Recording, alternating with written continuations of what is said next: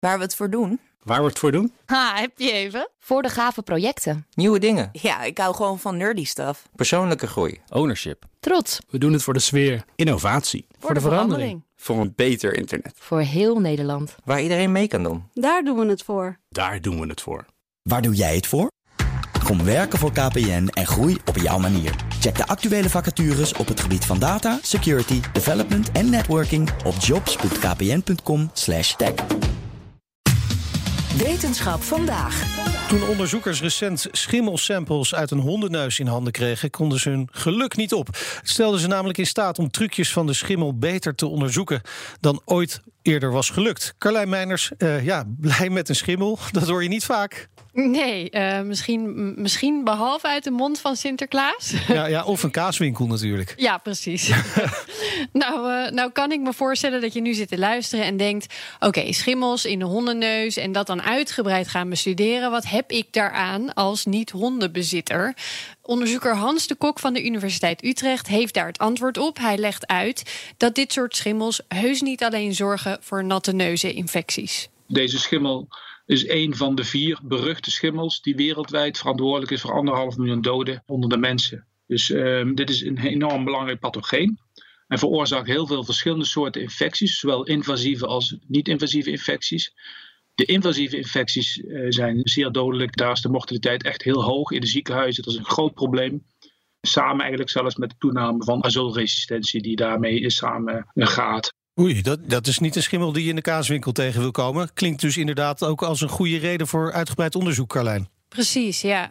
Nou, nou is er al wel eerder onderzoek geweest waarin dit soort schimmels bestudeerd werd. Maar daarvoor uh, werden ten eerste proefdieren gebruikt. En ten tweede was het nog maar de vraag of die resultaten ook echt leken op hoe het in het echt in de werkelijke situatie gaat. Uh, nou keken deze onderzoekers eigenlijk naar schimmelinfecties in mensen. Gedurende dat onderzoek ontdekten we eigenlijk dat bij de faculteit diergeneeskunde dierenartsen bezig waren om schimmels bij honden te verwijderen uit de neus. En toen dachten we van, hé, hey, dat is interessant, uh, want als we dat materiaal zouden kunnen bestuderen, dan kunnen we eigenlijk het gedrag bestuderen van die schimmel en, en de reactie van de hond op die schimmel. En dat zou een hele nieuwe dimensie zijn, dat was nog nooit eerder gedaan. Oké, okay, die schimmel die komt dus uit de neus van die honden. Maar dat verwijderen ja. van die schimmels, Carlijn, gebeurt dat wel een beetje diervriendelijk? Nou, je moet het zo zien: die dieren zijn ziek en moeten sowieso behandeld worden voor die infectie. Okay. Er zal altijd zoveel mogelijk van die schimmel uit die neus en de holtes verwijderd moeten worden. Waarbij de honden dan onder een narcose zijn. Alleen nu uh, doneerden die dierenartsen dat wat ze eruit haalden aan de kok en zijn collega's. Ah, Oké, okay. en wat deden zij er dan vervolgens mee? Nou, het grote voordeel van het hebben van de samples was dat ze dus die interactie tussen schimmel en gas gastheer konden bekijken. Daarvoor hebben ze de schimmel deels op kweek gezet. En een deel hebben ze ingevroren. Want daarmee konden ze dieper inzoomen op de genexpressie van de schimmel. En wat toen heel duidelijk naar voren kwam, was dat zo'n schimmel zich heel slim kan aanpassen. Iets wat ze in de natuur of bij mensen nooit eerder hadden gezien.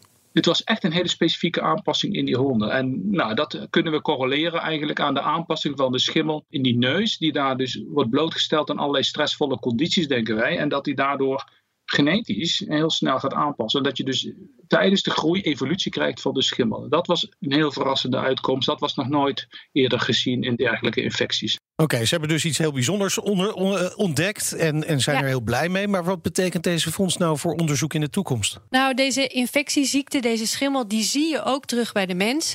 Uh, ze denken nu meer te kunnen leren over hoe die schimmel ook bij ons ingrijpt op het immuunsysteem. En hem dan natuurlijk uiteindelijk hopelijk ook enorm in de weg gaan zitten daarbij. Uh, dan wordt er ook nog naar resistentie gekeken natuurlijk. En bij de honden willen ze ook nog verder onderzoek gaan doen. Want daarbij willen ze weten hoe het met de genen van die gastheer zit. Want het is ze al opgevallen dat er sommige rassen zijn die extra gevoelig zijn voor dit soort infecties.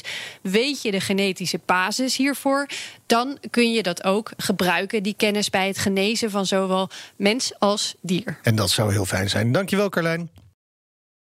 Ook Thomas van Zeil vind je in de BNR-app. Je kunt live naar mij luisteren in Zaken doen. De BNR-app met breaking news, het laatste zakelijke nieuws... en je vindt er alle BNR-podcasts, bijvoorbeeld Het Nieuwe Geld. Download nu de gratis BNR-app en blijf scherp.